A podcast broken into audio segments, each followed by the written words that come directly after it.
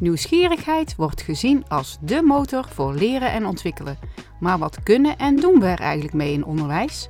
Hoe zit en werkt nieuwsgierigheid in de mens? En hoe nieuwsgierig ben je zelf als onderwijsprofessional? Ga je op zoek of geloof je het wel?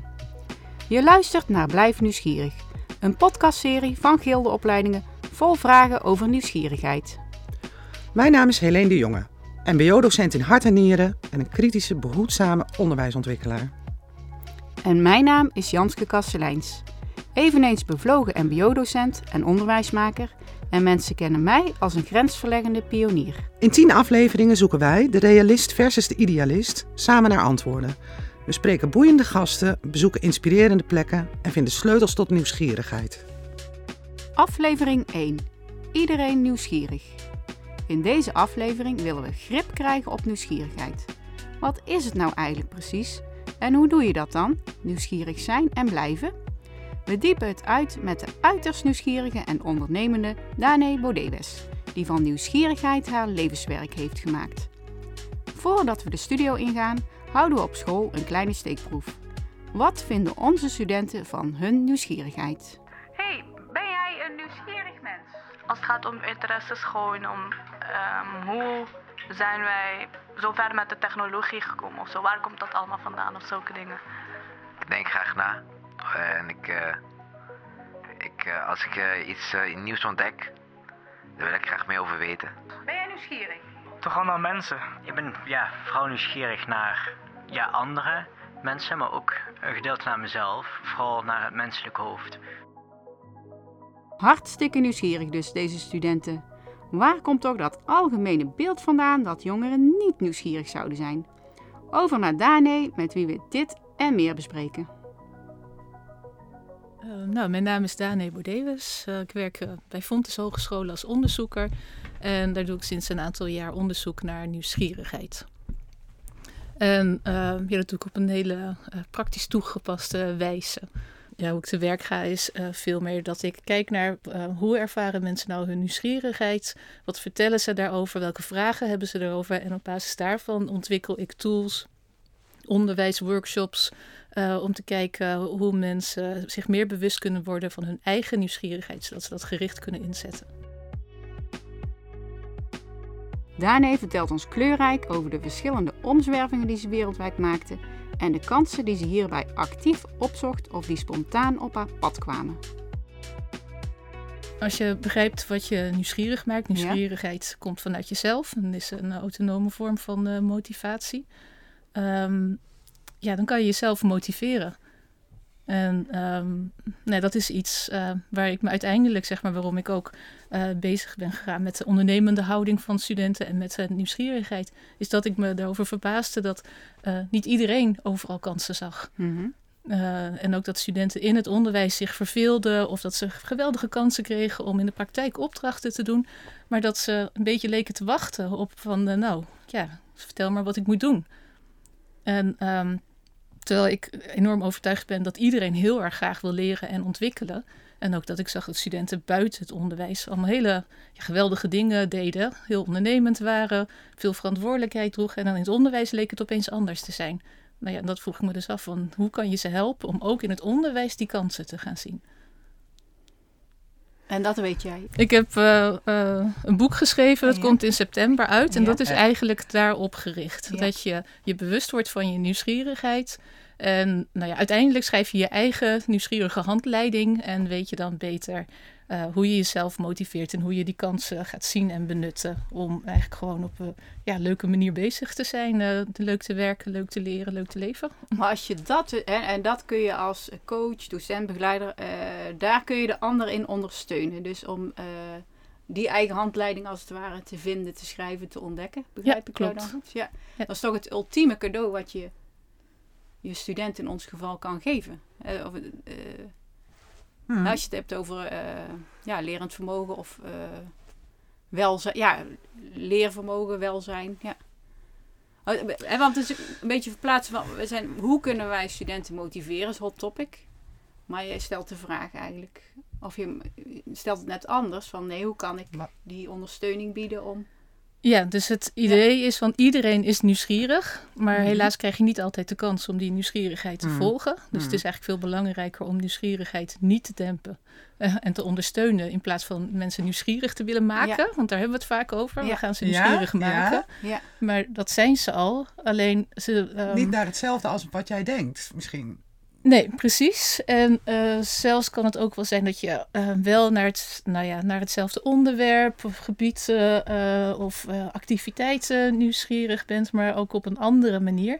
Maar ja, helaas is het wel zo dat nou ja, veel leerlingen, studenten hebben toch wel geleerd om dat te doen wat van hen verwacht wordt. En om te leren wat anderen al weten. En daardoor weten ze minder goed van wat vind ik nou eigenlijk echt interessant eh, om te doen. En eh, hoe leer ik dan eh, op een manier die bij mij past, waardoor ik ook nieuwsgierig blijf. Mhm. Dus zodat je ook door kan gaan wanneer het moeilijk wordt. Mhm. Mhm. Nou, Dus eigenlijk, het is vooral een kwestie van vrijmaken. Van vrijmaken wat al echt autonoom in een... ja, vrijmaken voor een gedeelte, ook vooral bewust maken. En ook, ehm, ja, ik, ik denk dat nieuwsgierigheid is voor een heel groot gedeelte onzichtbaar. Het speelt allemaal Mhm. ook eh, in je hoofd eh, Mhm. af, in je lijf. ehm, Mhm. En eh, het is dus heel moeilijk, bijna onmogelijk als docent, om in zo'n hele klas te zien van, nou, wie is op welke manier eh, nieuwsgierig en hoe kan ik die het beste helpen. En daarom geloof ik meer in de aanpak van, help die studenten nou om zichzelf bewust te worden en hun eigen handleiding te schrijven. En benut dat ook. Ehm, nou, dan op die manier kan je ze veel beter helpen. En kunnen ze zichzelf vooral ook beter Mhm. helpen. Ja, je, je komt eigenlijk nu, eh, wij hebben jouw eh, nieuwsgierigheidsmeter gevonden. ja. En die hebben we voor de gelegenheid ingevuld. En ik was door een aantal vragen wel verrast. Want Ja. eh, je maakt eigenlijk ook onderscheid naar ehm, situaties hè, die jou nieuwsgierig maken. Ja. Je vraagt te renken. ehm, behoeftes. Ik ben bereid om. ehm, hier bijvoorbeeld, ik ervaar een kenniskloof. Of ik heb behoefte om nieuwe kennis en informatie op te doen. En toen dacht ik, eh, dat zijn natuurlijk nog verschillende soorten van eh, nieuwsgierigheid. Behoefte aan spanning bijvoorbeeld. Dacht ik, oh, dat kan natuurlijk ook. Ehm, hè, als je constant die, dat, dat nodig hebt. Die, dus dat was voor mij wel een eye op. Want ik dacht ook, ben ik nou wel of niet nieuwsgierig? En dan heb ik de neiging om van mezelf te zeggen, nou dat valt wel mee. Je bent een beetje, hè, eh lauloene, eh, het komt allemaal wel Mhm. goed. Maar toen ik deze invulde, dacht ik, oh, er zijn wel dingen waar ik heel nieuwsgierig naar ben. Ja, nee, misschien om heel even mee te beginnen. Iedereen is nieuwsgierig. Het is eh, gewoon een natuurlijk mechanisme om jezelf en de wereld om je heen beter te begrijpen. Mhm. Het is ook een uh, overlevingsmechanisme op die manier. Ehm, alleen mensen zijn inderdaad in verschillende maten en op verschillende manieren nieuwsgierig. En eh, de vraag waar je het net over had, ehm, die is gebaseerd op ehm, een model van Todd Kashdan. Dat is een Amerikaanse psycholoog die al meer dan twintig jaar onderzoek naar nieuwsgierigheid doet. En ik gebruik zijn model vaak eh, omdat hij meerdere dimensies van nieuwsgierigheid eh, onderscheidt. En daar komt dus inderdaad ook sensaties zoeken, komt daarbij kijken sociale nieuwsgierigheid Ja. en stresstolerantie. En dat zijn eigenlijk ehm, ja, aspecten, dimensies die, eh, die vaak niet genoemd eh, worden, maar wel onderdeel zijn van nieuwsgierigheid. En het werkt dus inderdaad altijd heel goed om mensen die te laten renken, om te laten zien van hé, hey, waar herken ik mezelf nou het meest en het minst in? En uiteindelijk is het ook nog zo dat dat kan verschillen per situatie, per omgeving. Ja. Dus bijvoorbeeld. Studie, eh, baan, thuis. Ja. ja. en dan is het heel interessant om te merken van... Hé, hey, waar scoor je nou hoog op in een veilige omgeving? Ja. En eh, waar voel je je misschien net iets minder veilig en wat laat je dan zien? En dan Mhm. besef je beter van, nou, wat zit er wel niet allemaal in me? En Mhm. dat, dat kan ik, als ik maar de vrijheid, eh, veiligheid eh, ervaar om dat te kunnen doen. Maar zo duiden wij het begrip niet, hè? Ook nieuwsgierigheid is volgens mij gekoppeld aan cognitie. Nou, ik las ook in jouw schrijven voor die eh, meter van dat, dat het eh, moeilijk is om er een definitie aan te geven. Ook, Ja. eh, ja. Ja. Ehm, wat maakt het dan ook zo moeilijk, denk jij, om, om dat te vangen in een begrip of definitie? Ja. Nou, het wordt eh, ook in de literatuur op hele verschillende manieren Mhm. ingestoken. Er zijn eh, discussies over Eh, bijvoorbeeld, hoe verhoudt het zich tot motivatie? Mhm. Is het nou gelijk aan motivatie? Heb je Ja. eerst motivatie en dan nieuwsgierigheid? Heb je, of andersom? Eh, nou, daar verschillen de meningen gewoon over. Eh, ook woorden als interesse, belangstelling, passie.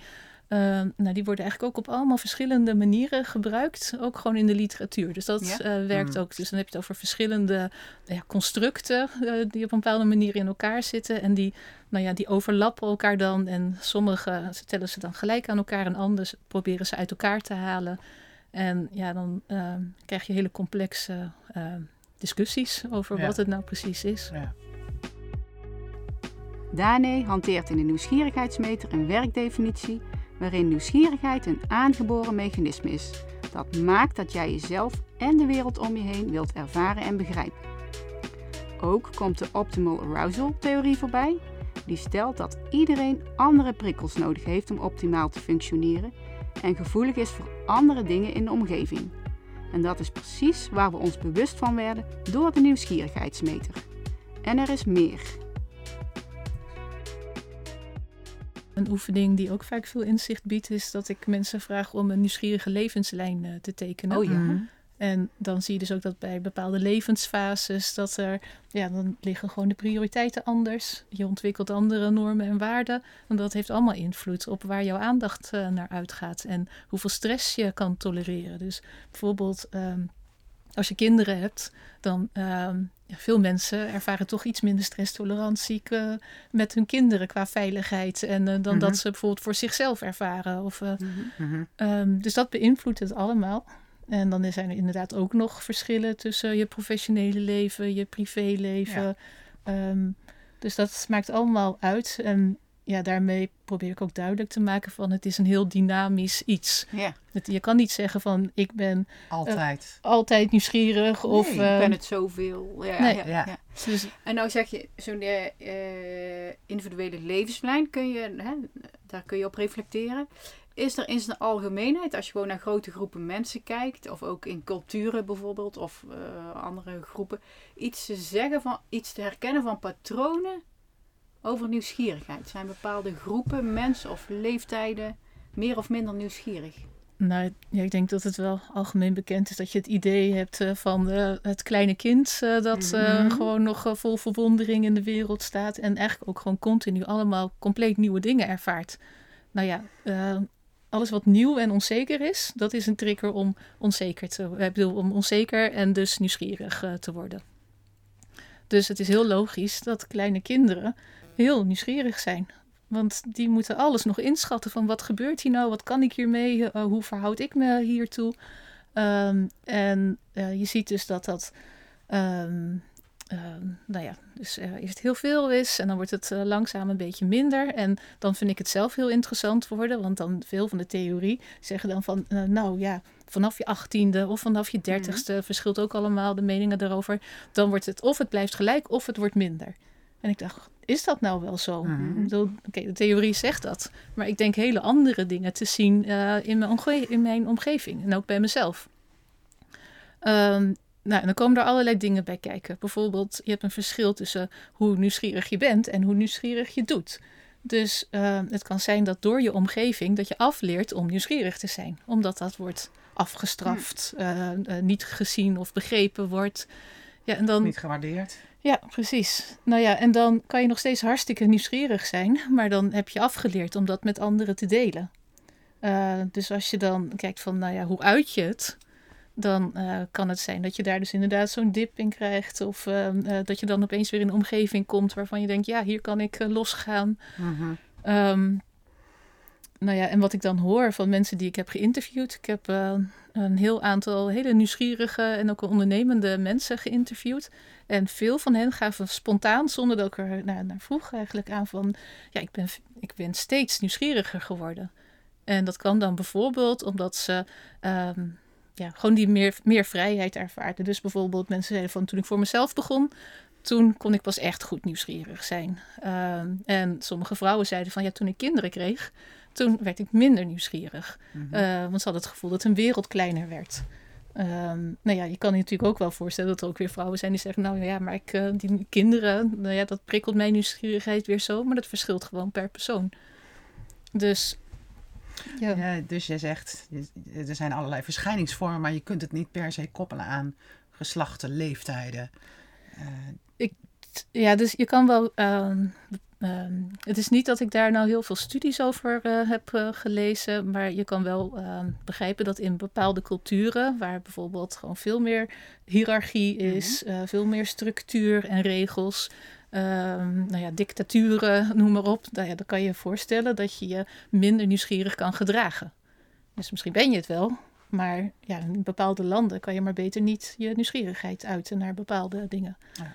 Eh, dus dat heeft natuurlijk een enorme invloed. Ja. Ehm, en ja, qua geslacht en ik weet niet, het is denk ik ook opvoeding. Dus bijvoorbeeld, eh, jij zei van, nou ben ik nou wel zo nieuwsgierig? Ik kwam een man tegen, die vond zichzelf niet nieuwsgierig. En dus moet ik even nadenken. Hij had geloof ik technische natuurkunde gestudeerd. Daarna had hij eh, psychologie gestudeerd, omdat hij toch dingen beter wilde begrijpen. Hij had drie kinderboeken geschreven. eh, en hij had zichzelf allerlei eh, technieken aange- aangeleerd. En hij vond zichzelf niet nieuwsgierig.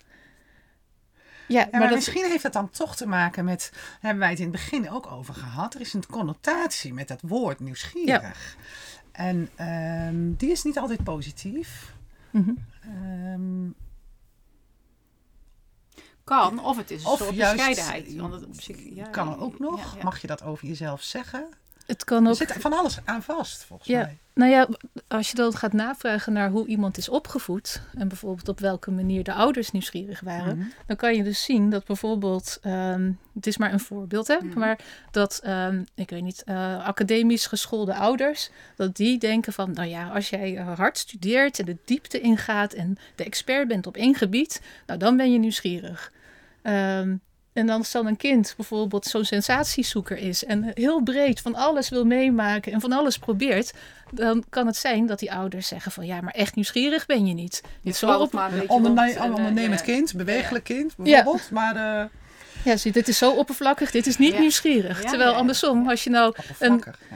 Ja. Als je dan een kind bent van eh, sensatiezoekers en je wilt heel erg graag helemaal de diepte ingaan op één onderwerp, dan kunnen ze zeggen, jeetje, wat saai. Nou ja, je bent ook niet erg nieuwsgierig. Ja, zit alleen Nee. maar achter zijn boeken de hele dag. Ja, nou, dus Dat, Ja. ja. dat, dat zijn allerlei, en zo, nou ja, er zijn vast nog veel meer factoren die ik nog niet heb ontdekt, maar die allemaal invloed hebben Ja. eh, over ja, hoe je je eigen nieuwsgierigheid ervaart, hoe anderen jouw nieuwsgierigheid eh, ervaren. Als we dan eens teruggaan naar de vraag eh, aan het begin van het gesprek, zei je: ehm, Ik krijg de vraag: hoe maak ik mijn, nieuws, mijn leerlingen, mijn studenten nieuwsgierig? Ja. Ehm, dat is natuurlijk een gespreksthema wat, wat, wat wij herkennen. Hè, hoe zet je ze aan? Eh, eigenlijk zei hij: Het is belangrijk om te ontdekken waar zit je nieuwsgierigheid en hoe uit die nieuwsgierigheid zich. En leer jezelf kennen. Maar ehm, vervolgens moet je dat dan toch ehm, gaan koppelen aan een opleidingspraktijk, zeg maar. Ja. Dus eh, voor ons werk zou je zeggen, dan ga je dus met een, met een student van 16 ga je dat onderzoeken. Mhm. Ehm, maar dan moeten zij nog die link gaan leggen naar wat betekent dat dan voor mijn opleiding en voor mijn verdere ontwikkeling. Dat is ook nog wel een stap volgens mij. Nou ja, en wat ik ehm, dan probeer te doen is ten eerste bijvoorbeeld zo'n ehm, testje invullen als dat eh, jij hebt gedaan, eh, dat je die dimensies eh, gaat ranken. Mhm. Maar je gaat ook kijken naar van, oké, ehm, wat doe ik nou als ik nieuwsgierig ben? En hoe kunnen andere mensen aan mij zien dat ik nieuwsgierig ben? En dat vraag ik vaak omdat mensen dan pas bewust worden van, hé, hey, wat doe ik eigenlijk? Wat kunnen mensen aan, aan mij zien? En dan gaan ze op een gegeven moment ook de nieuwsgierigheid bij hunzelf beter herkennen.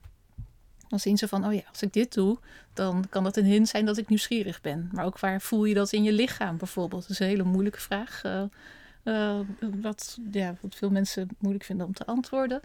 Ehm, en nou, dan weet je dat dus, van nou, heel in het algemeen, op welke dimensies eh, score ik nou hoog, hoe ziet het eruit? En wat ik dan ook eh, ga vragen is bijvoorbeeld van, nou kijk eens om je heen en zijn het nou bijvoorbeeld vooral mensen die je nieuwsgierig maken? Of bepaalde fysieke omgevingen of bepaalde onderwerpen? Eh, en vervolgens leg ik ze uit van, nou, het is niet per se die persoon, zeg maar, ik weet niet wat jou nieuwsgierig maakt, maar wat zit er in die persoon wat jou nieuwsgierig maakt? Je bedoelt bijvoorbeeld een rolmodel. Als ze benoemen van eh, die persoon ben ik nieuwsgierig naar. Ja, maar het kan ook. eh, dat kan. En eh, waar ik vooral naar op zoek ben, is wat voor elementen zitten dan bijvoorbeeld in zo'n persoon. Dus bijvoorbeeld is zo'n persoon heel enthousiast. eh, of is iemand heel erg gericht op details. Of is iemand heel ondernemend. Is iemand heel traditioneel. Noem maar op. En dat zijn dingen die jouw nieuwsgierigheid kunnen prikkelen. En wat ik dan ehm, mensen laat doen, is dat ik ze laat kijken naar allemaal verschillende factoren. En wat, ehm, eh, welke factoren prikkelen jouw nieuwsgierigheid dan het meeste? En dan ga je weer die factoren ontleden van wat zit er in deze factoren die mijn nieuwsgierigheid prikkelen. En dan uiteindelijk kan je dat naast elkaar leggen. En dan zie je een beetje patroon ontstaan. En dat, eh, nou ja, dat noem ik dan zeg maar je geheime eh, ingrediënten. Waarvan je weet van nou, als dit erin zit, dan eh, ga ik aan. En je moet je daarnaast ook nog bewust zijn van wat dempt mijn nieuwsgierigheid. Ja. Dus wat er kan gebeuren is dat je een studie kiest die je hartstikke interessant vindt. Je wilt er echt meer over weten. Maar eh, je vindt geen aansluiting bij je medestudenten. Of eh, je zit in een gebouw eh, waar je van in slaap valt, omdat het gewoon zo saai is en eh, weinig licht en noem maar op. Ehm, en nou, dit klinkt heel complex allemaal bij elkaar, maar als je dat stapje voor stapje aan studenten leert en ook en daarin begeleidt, dus bijvoorbeeld ook als je studieloopbaangesprekken hebt eh, of, ehm, of in de klas, dan kan je eh, eigenlijk de soort tools die ik heb ontwikkeld, kan je dan in gedachten gebruiken om vragen te stellen van hé, hey, nou ja, wat gebeurt hier? Ehm, nou ja, gelukkig gaat het onderwijs steeds meer de richting op dat er toch wel wat meer keuzevrijheid eh, Mhm. voor studenten komt. Er zijn eigenlijk heel erg veel onderwijsmethoden die in potentieel, zeg maar, nieuwsgierigheid heel erg bevorderen. En wat ik dan eigenlijk aan docenten zeg, is van ja, eigenlijk ligt het er allemaal al. Want je hoeft helemaal niet zoveel te bedenken om mensen nieuwsgierig te maken. Dus kijk om je heen, wat is er al? Kijk eens naar verschillende onderwijsmethoden. En doe dan aan de cherrypicking, eh, noem ik dat. Je gaat gewoon kijken van, hé, hey, wat vind ik leuk? Wat vind ik zelf leuk om te doen? Zodat je enthousiast kan zijn als een docent. Op deze manier onderwijs geven vind ik leuk. Nou, dan enthousiasme werkt heel aanstekelijk. Zo worden mensen gelijk eh, nieuwsgierig. Nou, en zo ga je gewoon experimenteren. Dus eh, vooral niet één methode vinden, maar gewoon continu blijven experimenteren met van hey, wat werkt voor mij? Wat werkt voor deze groep? Nou, wat voor de ene groep kan werken, werkt niet voor de ander. Nou, dan moet je een beetje mee durven spelen. En ik weet dat dat ehm, ja, best wel eh, spannend kan zijn voor sommige docenten. Ik ben zelf dus opgeleid eh, aan de Universiteit van Maastricht. En hebben ze dus probleemgestuurd onderwijs. Nou ja, daar, daar komen de studenten zelf naar de groep toe. En ze mogen vanzelf alles uitvinden. En zo'n tutor weet dus nooit wat er precies gaat, besproken gaat worden. Ja. Eh, dus dan moet je daarop inspelen. Nou ja, en dat, het kan dus allemaal. Maar ja, je zult dan ook ja, je docenten daarin moeten trainen. Misschien moet je ze er zelf op selecteren. Eh, En dan heb je natuurlijk altijd een mix nodig van verschillende soorten docenten. Dat blijft, denk ik, maakt niet uit in welke situatie, lijkt me dat een verstandig concept. Ja, Toch?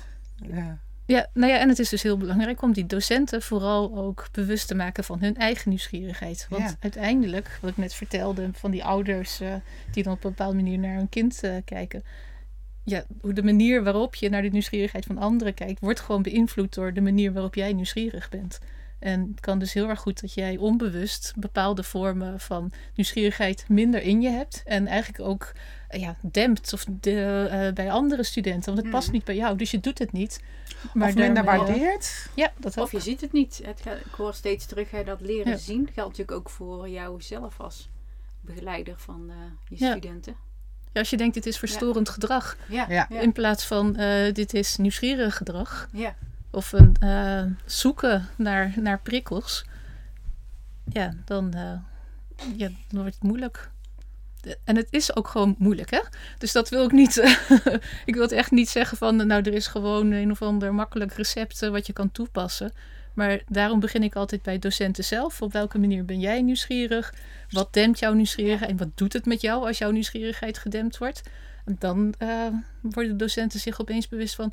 Oh, ja, dat is toch wel heel erg vervelend als mijn nieuwsgierigheid gedempt wordt. Dan eh, Mhm. haak ik af en dan word ik misschien ook eh, recalcitrant. Of, eh, Beginnen bij jezelf dus als docent. echt verdiepend bezig zijn met studenten, zodat ze weten dat het niet zomaar een trucje is, maar iets dat je continu weer kunt onderzoeken en ontwikkelen. Zo, je hebt nieuwsgierigheid, dat heet um, uh, trade curiosity. Dat is zeg maar je aanleg. Uh, en je hebt ook state curiosity. En dat is meer een staat van zijn. Dus je hebt een bepaalde aanleg om nieuwsgierig te zijn. Dus in hoeverre je open staat voor uh, nieuwe ideeën en ervaringen. Ook die stresstolerantie heeft ermee te maken. Hoe conscientieus je bent. Dus hoe hard je wilt werken en hoe gestructureerd je kan werken. Dat helpt, ehm, dat helpt daarbij. Um, maar het is, je kan ook nieuwsgierigheid ontwikkelen. Mhm. Dus dat is, ehm, en je kan, um, nou je hebt neuroplasticiteit. Op die manier kan je nieuwsgierigheid ontwikkelen. Maar je kan dus ook zorgen dat je vaker in die nieuwsgierige staat van zijn komt. En als je, hoe beter je eigen nieuwsgierigheid kent, hoe beter je het kan benutten. En uh, dan blijkt bijvoorbeeld ook weer uit een uh, ander onderzoek. Dan hebben ze gekeken naar wat voorspelt nou studiesucces. Nou, dan komt heel erg vaak IQ eruit als uh, de beste voorspeller. Maar uh, het is een onderzoek van Von Stoem. En zij zegt: nieuwsgierigheid is de derde pilaar van studiesucces. Want het effect op studiesucces van IQ is gelijk aan het effect van conscientieus zijn en nieuwsgierigheid samen. Uh, dus daarmee zegt ze dus, ja, zeg maar, IQ heeft evenveel effect als nieuwsgierigheid en conscientieus zijn samen heeft hetzelfde effect op, uh, op studiesucces. Okay. En daarmee zegt ze van is het dus heel erg belangrijk om ook naar die nieuwsgierigheid te kijken en die te ondersteunen. En dat gebeurt dus ook uh, uh, vaak. Dat ja, IQ is heel handig, maar je moet er natuurlijk wel iets mee kunnen doen. En willen. En willen. Nou ja, dus als je dan je nieuwsgierigheid goed benut en ehm, een beetje gestructureerd uh, kan werken, nou, dan kan je daar uh, soms verder mee komen dan alleen met een hoog IQ. Hmm. Dat is natuurlijk een potentieel een, een IQ, niet een garantie op succes. Nee. Als je het nou hebt over een groep met, hè, want dan komen we toch op cognitie, um, een groep met minder hoog IQ, gemiddeld IQ, of misschien zelfs wat ondergemiddeld IQ, gaat dan diezelfde wetmatigheid op? Nou, om heel eerlijk te zijn, weet, kan ik dat niet zo nee. beantwoorden. Um, wat ik wel kan zeggen is dat je altijd die nieuwsgierigheid kan benutten. Ja.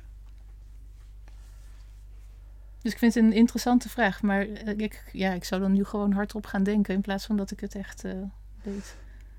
Ja. Nou ja, je hoort natuurlijk wel zeggen over pubers in het algemeen. Mm -hmm. Of ook over onze studenten. Ja, ze zijn niet nieuwsgierig. Op een gegeven moment dacht ik wel, dat, is, dat kan natuurlijk niet. Mm -hmm. uh, maar waar zijn ze nieuwsgierig naar? Ja. Um,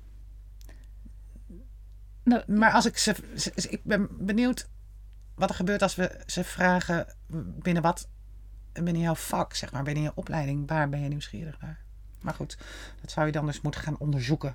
Ja, ook dat, weer met die dimensies. Ja, dat kan je onderzoeken. En uh, Jelle Jolles heeft ook een heel mooi boek Ja? geschreven, Ken je kind. En dat Ja? gaat uh, over pubers. En hij legt ook mooi uit dat juist in de puberteit dat je heel erg gericht bent op het nieuwe. En heel erg gericht bent uh, op je peers, zeg maar Ja. sociale nieuwsgierigheid. Dus die sociale nieuwsgierigheid is veel sterker Een aanwezig. avontuur, denk ik. Ja, dus dat zit er ook. eh, Experimenteren. Ja, Ja. in die zin staan ze in bepaal, misschien niet in onze uh, We staan helemaal gedachten, open. maar ze staan super aan. Ja, ja. ja, dus ze Ja. zijn dat hartstikke... is een dagtaak. ja, Ja. Nou ja, en dan is het natuurlijk ook, als wij heel eerlijk naar onszelf gaan kijken. Ik bedoel, hoe gefocust zijn wij eh, op eh, Hmm. wat wij doen? En hoe makkelijk worden wij afgeleid door makkelijke, ik weet niet, door sociale dingen of door makkelijke prikkels. eh. dus dat, ja, ik vind het zelf ook belangrijk om daar nog een beetje nuancering in aan te brengen. Omdat ik het Ja. gevoel heb, het is, ja, we, zet- we zetten het heel vaak neer als een soort van gemak en eh, onkunde van, eh, Ja. van pubers. Terwijl we zelf ook niet echt uitblinken in eh, ja, zo gericht bezig zijn Ja. met alles. Dat denk ik ook.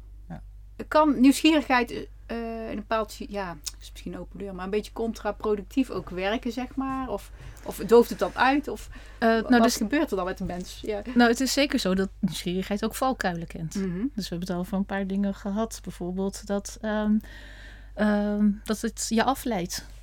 Ehm, Mhm. Het kan ook Mhm. eh, zijn, inderdaad, dat je, nou ja, wat mensen dan zien als sociaal onaangepast gedrag. dat mensen het zo ervaren. Je kan inderdaad de status quo bevragen. En dan gaat het over, ehm, nou waarom doen we dit? Of weet je dat zeker? Nou, dan eh, voelen mensen zich aangesproken in hun kunde en in hun positie. Dus dat vinden ze niet eh, prettig. Eh, nieuwsgierigheid kan ook omslaan in een soort obsessie voor iets. Je kan gevaarlijk gedrag tonen. Mhm. En heel erg vaak is het dus helemaal afhankelijk van de omgeving en de normen en waarden van eh, wanneer iets wel of niet acceptabel is. Dus maar er zijn zeker Mhm. eh, valkuilen. En ja, die behandel ik bijvoorbeeld ook eh, in, Ja. in mijn boek. Want eh, ja, het zou raar zijn om alleen maar over de voordelen van nieuwsgierigheid Mhm. te praten. Mhm. Vraagt hij daar misschien een beetje bij aansluit. Ehm, als je zo naar het onderwijs kijkt en je zegt, ehm, en je zou nieuwsgierigheid moeten onderzoeken met studenten en ehm, eh, daar meer gebruik van maken. Mhm. Ehm, wat gaat dat dan vragen van onderwijsorganisaties? Hè, want ik denk altijd, ja, hoe je je, je studenten behandelt, eh, dat, dat zal je zelf moeten uitdragen. En dat zal je dus, eh, je, je, je onderwijzend personeel, moet je daarin faciliteren. Ik kan niet met studenten eh, enorm met die nieuwsgierigheid aan de slag gaan als ik het zelf niet mag zijn. Nou, precies. En dat vraagt natuurlijk ook weer omdat eh, het management dan zelf ook een rolmodelfunctie heeft om dat te laten zien. Dat ze vertrouwen hebben in de medewerkers. Dat er, nou ja, over het algemeen zijn dus eh, heel veel eh, regels eh, en eh, hele rigide structuren werken ook niet echt bevorderlijk eh, eh, voor de nieuwsgierigheid. En het is dus heel lastig, ook weer afhankelijk misschien van ehm, eh, type organisatie en branche zeg maar, hoeveel eh, kaders er nodig zijn en hoeveel vrijheid. Want eh, het is wel zo dat bijvoorbeeld bepaalde beroepen, wat eh, meer stresstolerant, of eh, bepaalde mensen die een bepaald beroep hebben, eh, meer stresstolerant zijn dan anderen. Dus eh, sommige mensen kunnen meer onzekerheid aan dan anderen. Ja? En ehm, dus mensen die minder onzekerheid aan kunnen, zullen meer behoefte hebben aan kaders dan, eh, dan degene die dat niet eh, hebben. Dus nou ja, zo, zo verschilt dat dus. Ik kan niet een eenduidig antwoord geven. Je moet dus eigenlijk, maar wat je wel, denk ik, in het algemeen kan zeggen, is dat je dus een cultuur moet hebben die eh, op alle niveaus ehm, ja, nieuwsgierigheid heel expliciet ehm, waardeert eh, en, en ondersteunt. Ja, je zult wel iets meer autonomie moeten kunnen geven aan studenten daarin.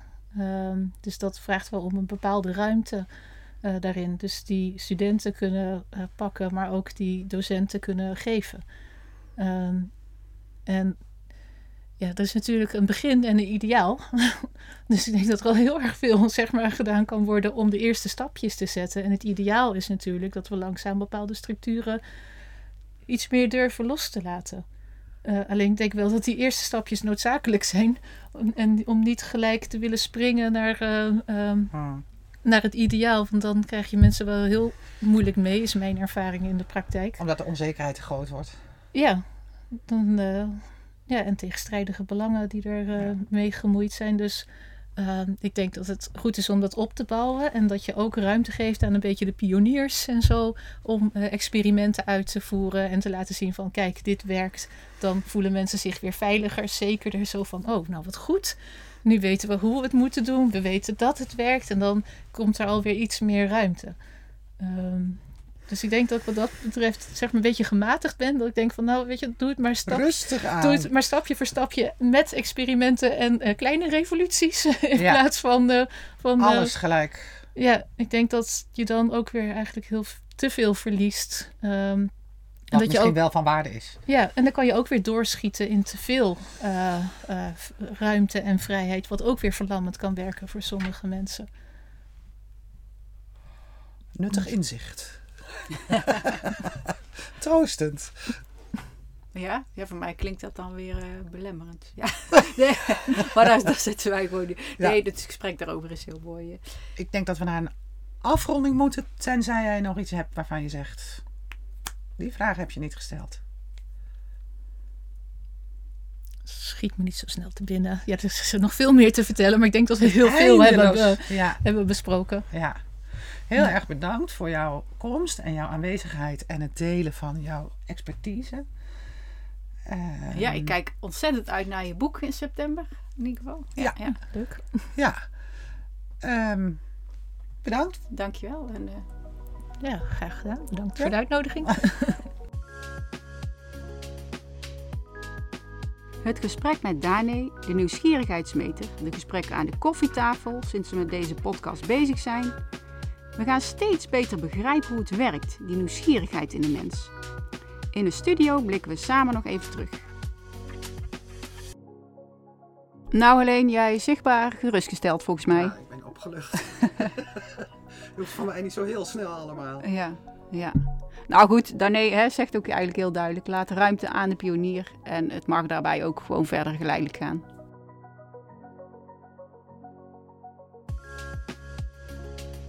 Dit was aflevering 1 van Blijf Nieuwsgierig. De volgende aflevering onderzoeken we onze eigen praktijk met onder andere Frank van den Ende, innovatieregisseur bij Gildeopleidingen. Uh, wat is nou de waarheid? Welke richting ik ook opga, overal is wel een waarheid te vinden.